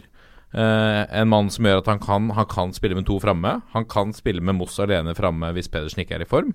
Uh, det gir litt press på Markus Pedersen, som jeg helt ærlig ikke er helt sikker på hvordan han kommer til å takle. Uh, men det gir litt mer spillerom. Så Skullerud er ikke låst til én ting. Han har litt flere baller i lufta. Og han kan spille med to foran. Yes. Det er, uba det er ubehagelig eh, å ha det type presset på deg som gjerne Markus Pedersen får nå, Ja. med at du vet det er en meget bra spiller som kommer inn, og som uh, kan ta plassen din hvis du ikke presterer. Nei. Samtidig så er det det som kan få deg til å være 100 seriøs i alt du gjør. Trene ekstra hardt uh, med, med tilnærmet 100% kvalitet eh, hver dag. Så, så det kan fort pushe Pedersen til å få en kanonsesong der, der han blir toppskårer i Eliteserien. La oss håpe det, da. At det skjer, egentlig. Eh, For det er gøy når han er gal. ja, når han er på sitt galeste. Det er veldig gøy. Det er jo gøy når folk lykkes, men uh, Og da er jo han potensiell norsk landslagsspiss Ja. sitt beste. Men uh, Moss, ja. Det er en uh, veldig spennende signering. Men jeg lurer jo på hvordan Skullerud skal få det beste ut av han. Han kan fort legge om til 4-4-2 eh, og bruke de- Teste litt 3-5-2 i vinter. ja, de har gjort det òg. Og, og Men jeg, liksom, jeg, jeg tror tanken er heller å legge om til, til 4-4-2 og, og bruke de sammen. Samtidig så ville jeg vært veldig forsiktig med det. Hadde jeg vært Skullerud, som hadde så stor suksess med 4-4-1-1 med, med Gerard rett bak Petersen. Så jeg tror fort at det er det som blir eh, formasjonen de, de går ut med i serieåpningen. Ehm, og da er Moss fort på benken, selv om han er en stjernespiss i, i norsk uh, eliteseriemålestokk. Jeg skal ta, ta to, da. Ja. Så jeg tar jeg, Du har stilt et spørsmål i dag. Hvordan ser RBK ut uten Bentner? Mm. Uh, det, han, nå er det 28. februar. Han blir i Rosenborg i hvert fall til sommeren. Han ser bra ut. De har i dag slått Dinamo Brest 3-1 etter to skåringer av Bentner. Og de har spilt 4-4-2 med han ene jeg tror blir en av årets signeringer, Alexander Søderlund, som de henter tilbake. Søderlund i Rosenborg har potensial til å bli toppskårer i Eliteserien, og blir Bentner borte, så er de dekka. Så det Søderlund mener jeg er en sånn åpenbar kandidat der. Og så vil jeg trekke fram Gary Martin til Lillestrøm, for han er en spiller som passer så perfekt inn i Arne Erlandsen-fotballen, mener jeg da. Eh, med innstilling, type spillere og hele den pakka der. Så jeg tror Gary Martin kan bli en sånn kjempesignering for LSK. Kom på skåringslisten nå mot Rubin Kazan også i treningskampen ja. forleden. Men mannen jeg har uh, latt meg begeistre mest av i vinter, uh, gjennom de treningskampene jeg har sett, det er Gilbert Komsun. Ja, altså, Det å, ser ut som et-. Røverkjøp av Brann. Mm. Eh, og Var det flere som var interessert i han? Eller det må jo ha vært altså, Men, eh, med tanke på ja. fjoråret? Men du vet aldri hvordan det slår ut. Folk eh, har selvfølgelig før vært fantastiske i, i eh, oppkjøringen, for dermed, deretter å, å være helt ute av det når, eh, når sesongen kommer. Men Komson har vist seg før som en meget bra eliteseriespiller, og nå hadde syv mål for Sogndal, som rykte ned i fjor, i, i en middels sesong til han å være. Og nå, på et topplag, der han blir satt mye oftere opp i ønskesituasjonen offensivt. Én mot én, får dra seg innover i banen, får slått innlegg, eh, får kommet til skudd.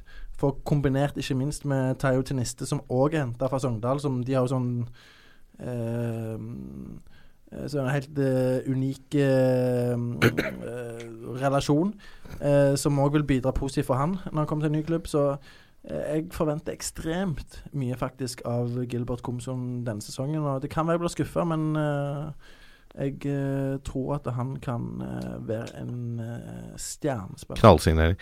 Jeg skal nevne en som ikke mener nødvendigvis er en stjernesignering, men som kan være viktig for klubben han går til. Det er lånet av Martin Rønning Ovenstad til Stabæk fra Storm Gras. Har eliteserieerfaring så det monner etter, vært god i godset.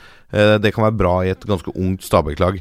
Eh, men én ting jeg har lyst til å avslutte med i denne hulle-silly season-spalten, er jo det at eh, det er en del klubber som har en jobb å gjøre, for de har for mange spillere. For det er jo sånn at det er lov å ha maks ni utenlandske spillere i eh, troppen, uh, og melde inn det til Eliteserien. Seks av klubbene i Eliteserien har per i dag, ifølge sine egne nettsider, øh, vel å merke, mer enn ni spillere i stallen. Altså Molde og Start har begge tolv. Uh, Vålerenga har ti. Eh, Sandefjord 11, Sarpsborg 08 11 og Brann har ti.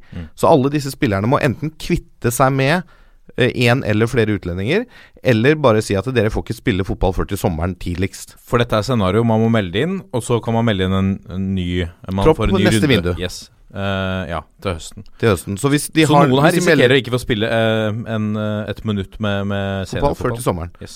Og hvis de da blir meldt inn i nå, og så blir eh, to av utlendingene langtidsskada, så kan du ikke bare melde inn fra overskuddslageret. Da må du vente til neste vindu. Det er jo litt av problemet i Brann, f.eks., der um, Gilly Rolandsson um, uh, har vært ryktes bort nå i vinter. Um, noe som i utgangspunktet er veldig merkelig, som var meget bra, syns jeg, for Brann uh, forrige sesong. Spesielt på våren. Ja, falt seg litt på, falt Jo, litt på men høsten. allikevel. Jeg syns han eh, viste at eh, han har et stort potensial. Ja. Eh, kan bli brukt i eh, både offensivt og defensivt. Ehm, men nå vil du ikke han skrive ny kontrakt, har ett år igjen, eh, og de sliter med, med kvoten. Og da er det en faktor som, som kan påvirke at de shipper han ut. Mm. Ja. Så det er mye spennende som skjer før, uh, før vi stenger vinduet i Norge, tror jeg. ja, det tror jeg altså. Ja, og du nevnte Bentner, at han blir, men det russiske vinduet er åpent ut mars, eh, så vidt jeg vet. Ja, okay, så. Skal bare få lov å si kjapt i den forlengelsen. Ranheim eneste laget uten utlendinger i stallen. Odd har to, Godset har tre. Takk for meg. Dette er toppfotball. Og så skal vi eh, komme med vårt tabelltips. Det vil si at vi blir jo mest sannsynlig Vi er jo aldri 100 enig. Eh, det blir vi sikkert ikke nå heller. Men jeg, jeg har bedt dere og bedt meg selv om å tippe eh, Bare be seg sjøl, da. Ja, vi, eh, det er på en måte min rolle som programleder her. At jeg må be meg selv også. Um, tippe Eliteserien og plasseringene på tabellen i 2018. La oss begynne med bunn, og gå fra bunn til topp. Eh, vi starter med plass nummer 16. Eh, hva kan du melde der? Hvem er det altså som blir eh, um, dette årets Viking, Bårdsen? Om det er noen Var det pent sagt? Nei, ikke for de som eventuelt blir det. Men jeg, jeg ser egentlig ikke for meg at det er et lag som blir så til de grader hekta av eh, denne sesongen. Men Jeg har vært litt fram og tilbake på hvem jeg tror ender sist. Det spiller jo egentlig ikke så stor rolle hvem jeg tipper som nummer 15-16, men fordi at eh, eh, Jeg savner litt, eh, litt sjel, og, og det er en ny trener, og um, jeg savner en del profiler, og troppen er tynn. Så går jeg for eh, Sandefjord. Lasse Wangstein. Ja, Din fars hjemby. ja øh, det Jeg har ikke tippa de på 16.-plass. Nei. Uh, og nå er jo Jeg har tippa et lag der som jeg bør være forsiktig med å tippe noe som helst på.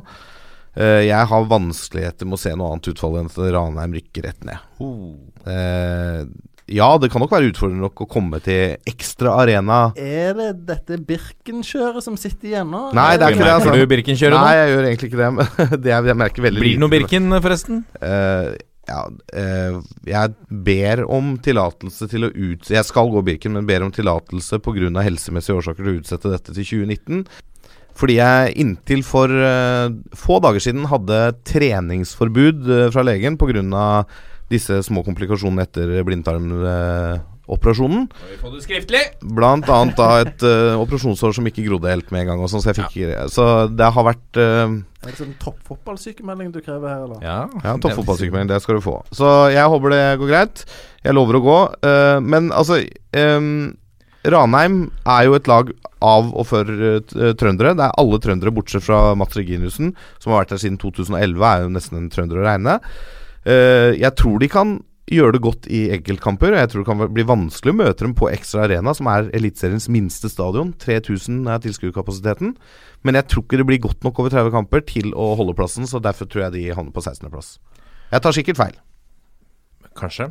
Det gjenstår å se. Du har ikke skjebnen, eller eh, hva skal vi si eh, Jeg skal ikke vedde på på noe som helst. Jeg har uh, Sandefjord på sisteplass. Jeg eh, henger meg på dine argumenter, Joakim. Uh, de har sett helt forferdelige ut i vinter. Uh, jeg det har- gjorde de i fjor òg. Ja, eh, jeg har, for å være litt stygg, jeg, jeg, jeg er veldig usikker på Dempsey. Om han er en Magnus Powell, tenker du? Magnus Powell, tenker jeg. Nå blander jeg. Nå blander jeg. Eh, Magnus Powell. ehm, eh, jeg, jeg tror Sandefjord overpresterte i, i fjor, eh, og det så vi litt, uh, syns jeg, at de falt litt sammen mot høsten. Det gikk lufta litt ut. Nå tror jeg ikke det er så veldig mye mer luft igjen. Nei, for det er grunnen til jeg òg dømmer de nord og ned. eh, Beklager til alle sandefjordinger, men det er em, Det er et trenerbytte som, som skaper usikkerhet, og jeg ser ikke på um, Sandefjord-laget som eh, eh, at Den grunnmuren der er ikke sterk nok, sånn som jeg ser det, til å tåle eh, for store svingninger. Og, og det er ganske skjørt, det fundamentet, som gjør at eh, med litt eh, motgang så kan det forsterke seg eh, ganske kraftig. Og hvis du ser på de som skal De som skal holde det laget oppe, så er det sånn Flamur Kastrati hadde ti skåringer forrige sesong. Det er bra. Eh, men det er hans eh, beste sesong noensinne. Eh, skåringsmessig, i hvert fall. Og så har du sånn på eh, eh, Morer og André Sødlund som hadde fem skåringer hver fra, fra midtbaneposisjon, og, og det er bra, men de òg liksom presterte jo nærmest maks av det vi kan forvente. Eh, gjør de det igjen? Det er Sandefjord avhengig av hvis de skal holde seg. Eh, men det som kan være redningen, da, det, det er mm, defensiven de har. Nå slapp de inn mest mål i Eliteserien forrige sesong, men de har typer som El Haji Ghana Kané og, og Abdullahi Sekk og, og Christer Eppeskår Hansen og Ingvar Jonsson i mål, som kjemper for å bli eh, en del av VM-troppen til Island i sommer og sånn. Så liksom, der, der er det noen uh, eh, grunner til at eh, tipset vårt kan bli gjort til skamme. Ja, vi, vi, vi, har, fem, vi har 16 plasser, så jeg må være litt strengere på Ja, tiden her. men jeg går videre. rett videre, fordi at Joakim nevnte at det er ikke så farlig hvem du setter på 15.-16. Og da bare følger jeg opp med at uh, i fjor så gjorde jo jeg feilen med å tippe Sandefjord rett ned, altså Mm. laget i min fars fødeby. Den feilen gjør jeg også i år. Sandefjord har jeg på 15.-plass. Ja. Ja. Og da er jeg litt inne på det dere har snakka om. Tynn stall. Og jeg, jeg er usikker på Magnus Powell som trener. Eh, og jeg tror, som vi har vært innom her før, at Lars Bohin tima dette helt perfekt. Han så at makspotensialet i Sandefjord var nådd. Han har fått ut Han pressa den sitronen helt til maks. Så hoppa han av og gikk til Obos-ligaen med Ålesund. Så derfor tror jeg Sandefjord rykker ned i år. Og det er liksom alltid litt sånn tungt, for å si det, da, å, tippe lag ned. For liksom, sånn som Magnus Powell eh, Han sier sjøl han er en perfeksjonist og opptatt av å jobbe hardt og fremstår som en eh, eh, Som en seriøs type som Ja, ja. vil mye, og sånne unner jeg alt godt. Men Sandefjord ser for meg bare svakest ut på papiret. Og der jeg har på 15.-plass da, foran Sandefjord, det er Ranheim, som du har sist. Og grunnen til at jeg setter de hakket foran Sandefjord, men allikevel under nedrykksstreken, det er fordi at det, de har eh, et unikt fellesskap der oppe som jeg tror vil ta de langt. Men eh, Og ferdigere, selvfølgelig. De har en velutvikla spillestil eh, basert på Rosenborg-prinsipper og, og klare eh, Klare roller. Eh, så det gjør at jeg tror de kan få noen store opplevelser i løpet av sesongen, men totalsummen der òg blir for dårlig i konkurranse mot eh, de andre lagene. Hvem har du, Martin, på 15.? På eh, 15.-plass så har jeg Ranheim. Ja. Ja. Da er vi enige om nedrykkslagene. Yes. Skal vi gå til 14, da? Ja. På plass nummer 14 Joakim Bårdsen. Der har jeg tippet FK Haugesund. Oi!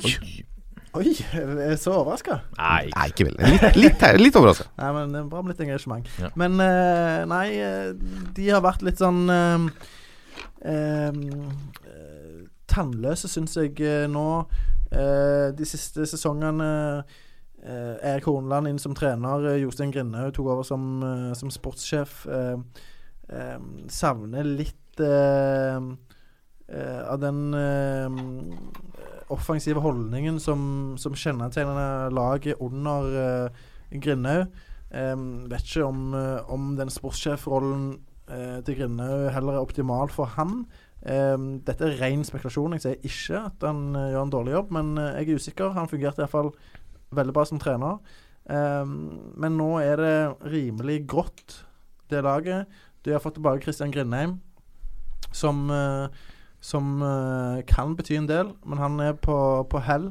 Eh, de er veldig avhengig eh, De kan jo berge plassen gjennom en kvalik, som jeg tipper de på, men eh, de er veldig avhengig av Bruno Leite, at han fortsetter utviklingen og, og er like bra som han eh, var i fjor, minst. Mm. Eh, og så har de henta inn en Ibrahima Kone fra Mali, en 18-åring eh, på topp, som, som er ung. Eh, og det er mye å forvente at han skal, skal skyte de til ny eliteseriekontrakt. Eh, og samtidig så har Ibrahim og, og Gytskjær ikke, ikke vært on fire over en hel sesong tidligere. Så det, så det er liksom Det er tynt, syns jeg, i Haugesund.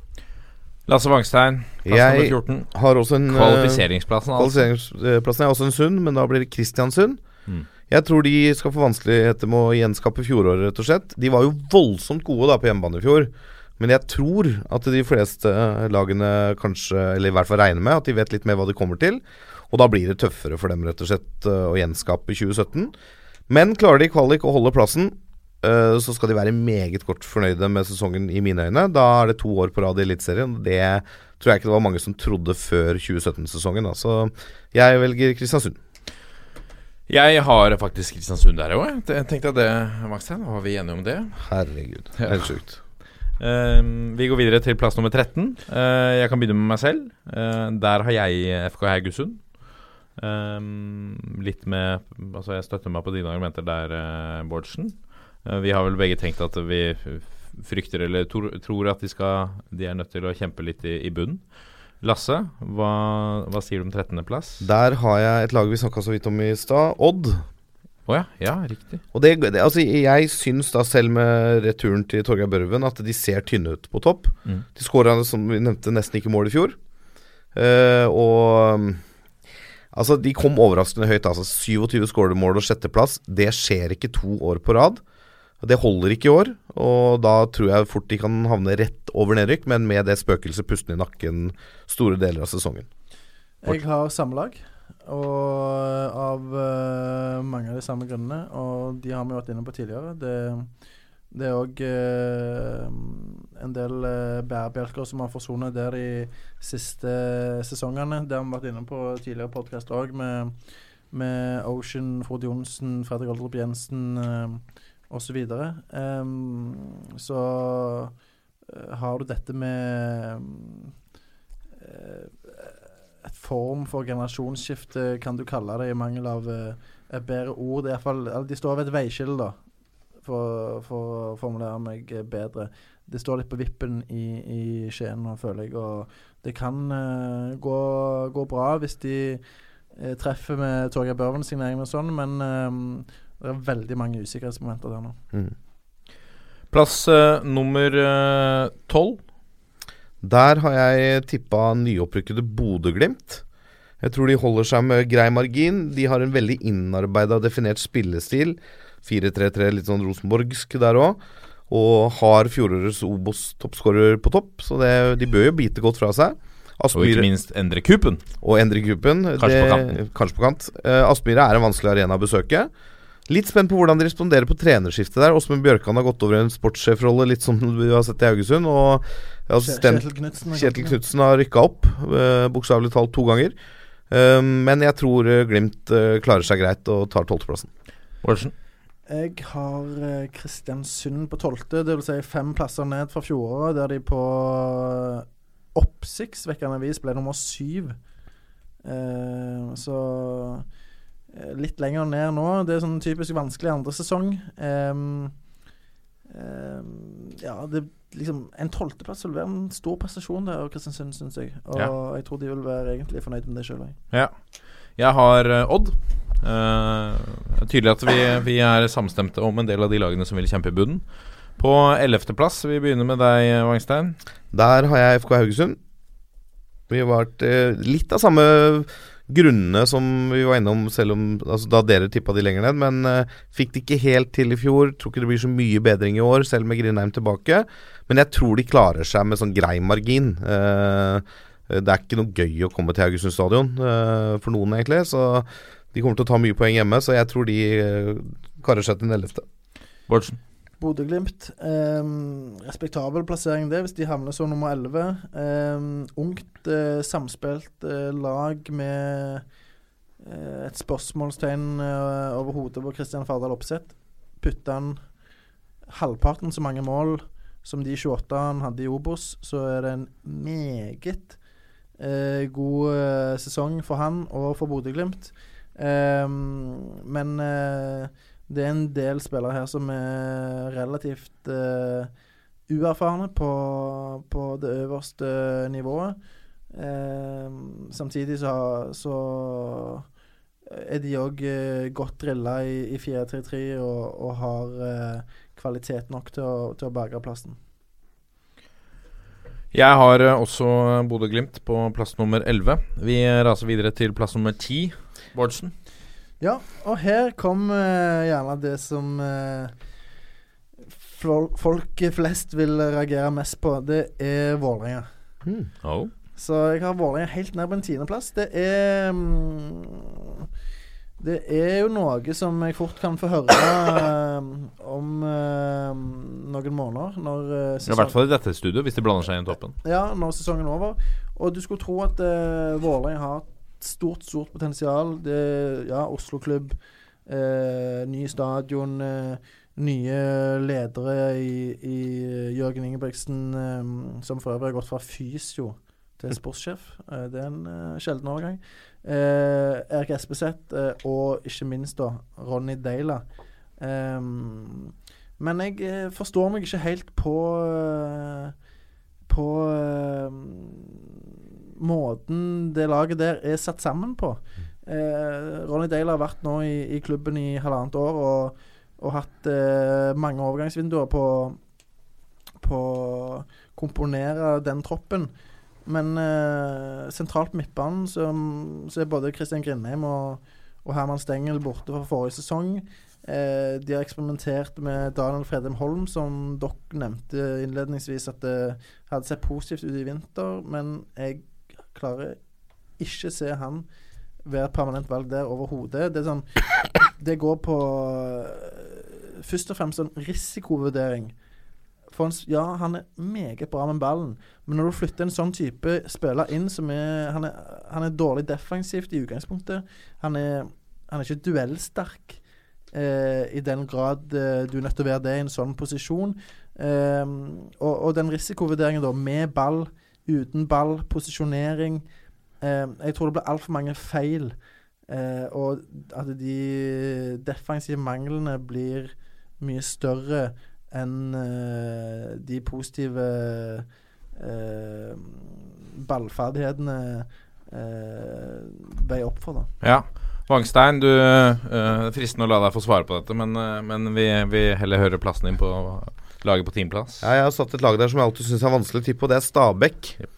De har mista et par viktige spillere, og det tror jeg svekker de, selv om de har fått inn Rønning Ovenstad nå i hvert fall for et halvt år. Eh, men de driver jo fornuftig og har tro på stilen sin, og Ordinas har mer erfaring, og de har en bra sportssjef og alt sånn. Blir selvfølgelig Altså, de har mista Skjønsberg og Tortol eh, Lumanza, det merker de. Spennende å se om OI fortsetter skåringsformen, men vi var litt inne på det i høst. Frank Poli er liksom egentlig tilbake nesten som ny spiller. Han har skyhøyt potensial, så jeg tror Stabæk klarer seg veldig greit. Men det er vanskelig å tippe dem, Mm, uh, så derfor havner jeg på tiende på de. Veldig safe, øh, fordi du slipper unna kjeften, uh, som man ofte får når man tipper Stabæk ganske langt ned, for de Ja. pleier å motbevise det. De gjør det. Uh, jeg har også Stabæk på tiendeplass. Um, vi går videre til niende. Eh, kan jeg begynne selv? Der har jeg Start. Litt samme utgangspunkt for meg som, som uh, Stabæk, uh, bare enda mer i villrede. Eh, der støtter jeg meg egentlig på at jeg, jeg tror at Tor Christian Carlsen har litt peiling på hva det vil si å, å drive en eh, fotballklubb. Eh, har ikke peiling på hva de nye signeringene står for, men tror at de er på gang med noe. De er, men jeg tror ikke at dette er modent for noe toppkamp. det tror jeg ikke. Jeg har Start på niende, uh, Bårdsen. Jeg har Tromsø. Du er Tromsø, ja. eh, som fikk eh, en eh, stor opptur under Vallekar i høst. Han har nå fått en oppkjøring på på å jobbe videre med sine mm, prinsipper, og eh, han har nå sluppet på en måte å bygge opp uh, selvtilliten til gutta. Den, den ble eh, Eller den kom tilbake i løpet av høsten, og, og nå har han fått muligheten til å utvikle laget videre. Og så er det jo minuset selvfølgelig at jeg mista et par eh, gode spillere, og ser litt tynne ut, spesielt sentralt på midtbanen, syns jeg. Jeg har også Tromsø på niende. eh, litt eh, inne på det samme som eh, Bårdsen. Eh, men jeg, de har beholdt Gjermund Aasen. De har resignert eh, Gams Pedersen, som var god i fjor. Eh, fått inn Tom Høgli, som er en eh, sånn ja, kontinuitetsbærer, kan du nesten kalle det. eh, Hel ved. Så jeg tror de holder seg unna nedrykksstriden med god margin. Da raser vi videre til åttende. Eh, der er jeg i Tromsø. Så lar vi den eh, ligge. Eh, det har vi diskutert. Vi har snakket en del om Tromsø. Eh, Vangstein, Der har jeg Start. der har du start, ja. Ja, veldig spennende trenersignering. Også litt innpå det der med mange nye spillere, vanskelig å si hva det er. Men jeg tror fort Start kan få sving på sakene her. Eh, jobber, jeg ser det jobbes godt med kulturen i spillestallen nå. Sånn type vi spiser frokost og lunsj sammen, vi møter opp til riktig tid. Sånne små ting som du tenker ikke er så viktig, men som er veldig viktig. Og da ser jeg for meg at de biter godt fra seg. Bårdsen, plass nummer åtte. Der har jeg Stabæk. Der har du Stabæk. Eh, ja, og det tror jeg òg de vil være relativt eh, fornøyd med sjøl. Og det er jo plusset er jo um, Boli eh, Ohi på topp.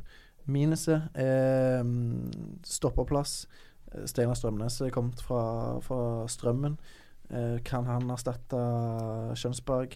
Høyrebekk eh, Hernandez. Hvor god er egentlig han? Um, og ja, det gjør at eh, Åttendeplass vil være en god plassering, eh, tror jeg, for eh, gutta fra Bærum. Ja, videre til uh, syvendeplass, uh, Bangstein. Der har jeg mitt kjære Vålerenga på syvende. Eh, det er jo det laget som kanskje hadde Bak Lillestrøm. Ja, det er Ja. helt riktig. Ja, videre. Det var vel det laget i fjor som hadde størst øhm, nivåforskjell på det de holdt på med. Altså høyest øh, Altså kanskje en, noe av det høyeste toppnivået faktisk i Eliteserien i fjor, men også det absolutt laveste bunnivået, inkludert Viking. Altså Det er helt forferdelig stor forskjell på, fra kamp til kamp. Det må tettes. Det må bli mye mer stabilt. Eh, det tror jeg Deila får til. Eh, ja, de har mista Av de fire spillerne som skåra fem mål eller mer i fjor, så har de mista tre. eh, på poeng, eh, så det er bare Juklerød igjen. Og så er det den midtbanen som vi har vært innom. Jeg er veldig spent på den. Ernest Agiri, blir han frisk? Kommer han til å vise det som alle snakka om før sesongen i fjor? Blir han det monsteret på midtbanen? Jeg har ennå ikke sett noe til det. Det er mye usikkerhetsmomenter, men jeg tror at Vålerenga karer seg til den vante sjuendeplassen, da.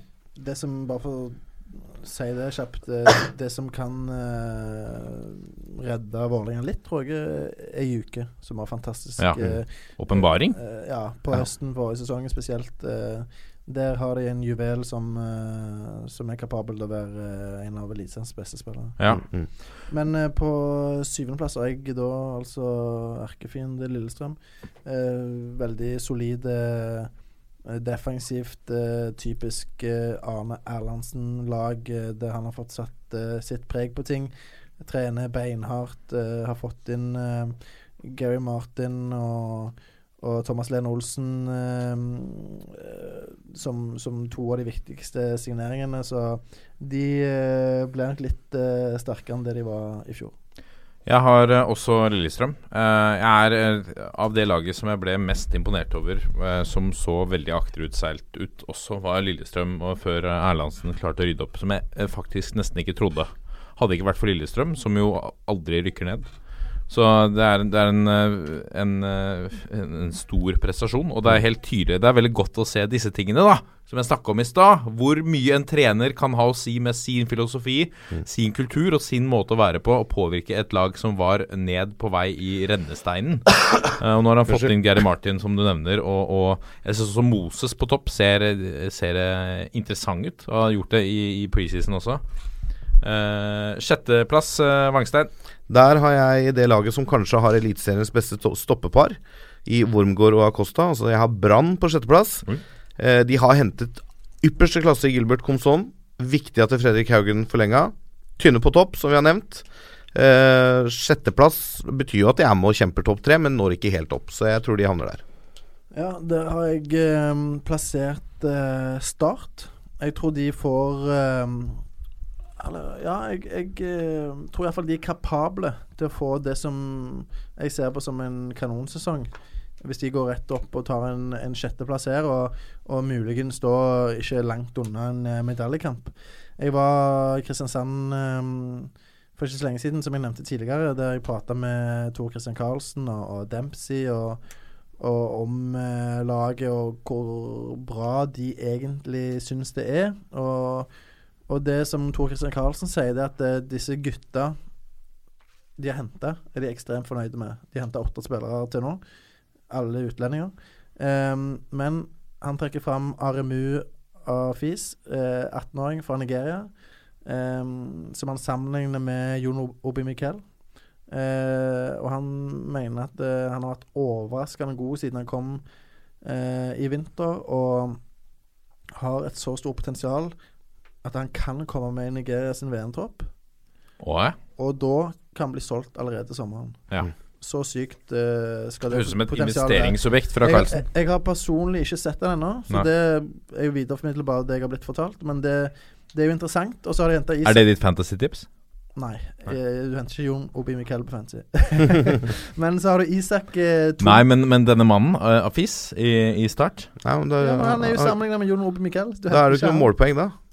Nei, nei, for så vidt. Men, eh, men, Videre. ja, men, men så, altså er det bare for, for å avslutte på start, da. Um, Isak Tvom eh, var kaptein i eh, eh, et mesterskap i, i Vest-Afrika i, i september for Ghana. 20 år.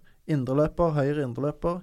Eh, som eh, skal danne en midtbanetrio der i 4-3-3 sammen med supertalentet Tobias Christensen, som eh, var en eh, katalysator eh, bare 17 år gammel for at eh, Brann rykte opp Nei, Brann sier jeg for at Start rykte opp i høst. Så den midtbanetrioen der har de ekstremt store forventninger til i Kristiansand. Og det er med på en måte å lufte taket for hvor bra de kan gjøre det. da. Spennende. Det var litt interessant å høre om. Det er veldig spent på start selv. Uh, jeg har uh, Vålerenga. Eh, Vålerengen idrettsforening. Plass nummer fem, Lasse Wangstein. Plass nummer fem, der har jeg en klubb som ikke lenger kan kalle seg en liten klubb. For når du har nesten Eller du har dobla budsjettet ditt til rekordhøye 96 millioner fra i fjor, og henta 11 eller 12 nye spillere i løpet av vinteren, og solgt 7 da Sarpsborg 08 Da er du ikke en liten klubb lenger. Da er det forventninger. Da forventer vi en medaljekamp. Jeg tror ikke de når helt opp som i fjor, fordi eh, Krepin Diatta og Sigurd Rosted blir savna. Jeg er spent på nysigneringene. Harmet Singh er eh, solid, han. Og de har sikkert henta mye bra òg, fordi at Altså Thomas Berntsen og Geir Bakke De har truffet før, og de kommer til å treffe igjen. Men det er mange nye spillere som skal funke her. Eh, så jeg tror de ikke helt klarer å gjenskape fjoråret, men ikke er så langt unna. Jeg deler den vurderingen og har eh, Sarpsborg sjøl på femteplass. Henta ekstremt mange spillere, eh, men eh, eh, det er alltid bedre å, å beholde en stemme i laget, som de for så vidt har gjort, men her er det så store rulleringer. Eh, at jeg eh, tror eh, det blir vanskelig å, å gjenskape den suksessen som tredjeplassen var i fjor. Ja, og da, mine herrer, har vi for første gang i denne tippekonkurransen et lag vi er enige om på femteplass. Jeg også har Sarpsborg 08. Da tyder det vel på da, at de havner der, på femteplass. vi går videre til fjerdeplassen. Der har jeg eh, Brann. Eh, hva med deg, Wangstein? Der har jeg det laget jeg tror blir årets overraskelse på, for mange i årets eliteserie. Eh, mine kjære erkerivaler i Lillestrøm. Og på en fjerdeplass. Jeg syns det er et spennende tips. Ja. For jeg, eh, jeg kan forstå litt hvorfor du gjør det, men det kan du gjerne begrunne sjøl. Ja, jeg, de fikk nok en enorm boost etter det cupgullet i fjor. Eh, og har henta fornuftig i vinter. Vi var innom Gary Martin bl.a. Arne Erlandsen er en luring. Han er god til å låse kamper når det trengs, og han er god til å gjøre det vanskelig for motstanderne. Og Lillestrøm har en voldsom slagkraft eh, kontringsmessig og på dødballer. Eh, så jeg tror Lillestrøm kommer til å ta store steg i år, og er et lag som kommer til å rote seg, eller spille seg inn i toppstriden. Og fort kan ta fjerdeplassen, og da er det jo ikke langt unna medalje heller, så det, jeg tipper de der, faktisk. Spennende. Jeg, jeg tror de kan vippe ganske mange Kamper i sin favør. i I fjor så sleit de litt med det i starten av sesongen. Og mange kamper som de burde ha vunnet, de ikke vant. Det gjør du ikke over lang tid. Det snur til slutt. Og det tror jeg fortsetter i år. Bårdsen, eh, fjerde, fjerdeplass. Ja, jeg syns eh, de topp fire-lagene her nå er ekstremt vanskelig å plassere, egentlig. eh, men jeg har havna på Strømsgodset. Eh, et lag som jeg har stor, stor tro på denne sesongen. Som jeg egentlig likte så godt kunne plassert på andreplass. Men jeg velger å sette de som nummer fire. Men jeg syns det Skullerud har på gang, ser veldig bra ut. Og den troppen er sterkere enn den var forrige sesong. Um, der de ble nummer fire. Um, så jeg blir ikke overraska om de uh, tar eh, et par steg opp på den tabellen uh, sammenlignet med det tipset jeg har. På tredjeplass har jeg eh, Molde. Eh, jeg eh, hadde plassert de lenger ned hvis uh, det ikke hadde vært for signeringen nå av Chima Chukwu. Og så ser Thomas Angam forfriskende ut. Mm, mm. Det virker som at de begynner å få på plass disse brikkene som skal til. Men jeg tror grunnen til at de har det på tredje, er fordi at jeg anser to andre lag som sterkere på papiret. Molde på tredje fra meg. Hva med deg, Wangstein? Jeg har valgt Godset, og der sleit jeg mellom å, det laget jeg har på andreplass og Godset. Det sto og vippa. Jeg valgte da på Godset pga. fjorårets høst og signeringen i vinter. Eh, Men jeg tror sølvkampen i år kommer til å bli ekstremt spennende. Kommer til å stå mellom to lag, og det kan bli avgjort i siste seriene. Bårdsen? Ja, jeg eh, deler ditt uh, syn der og har uh, Molde på tredjeplass. Uh, de var syv poeng bak Rosenborg forrige sesong som uh, tabelltoer. Uh, nå er Martin Ellingsen der hele sesongen ble henta fra Kongsvinger i, i fjor, eh, midtveis. Eh, eh, han tror jeg kan bety veldig mye. Og så har de andre midtbanespillere rundt han som Hvis de hever seg litt, så, så kommer de til å få en ekstremt god midtbane. Eh, og så har de vært inne på spissene. De har en god del alternativer der nå. En del jevne eh, angripere. Um, så har de Vegard Forren, som jeg tror kan få en god sesong nå. Um, Han har roet seg litt. ja, jeg tror han har eh, gjerne slått Skjønt fra seg blir, litt ja. av den, uh, utenlandsdrømmen og, og nå har fått en full preseason igjen.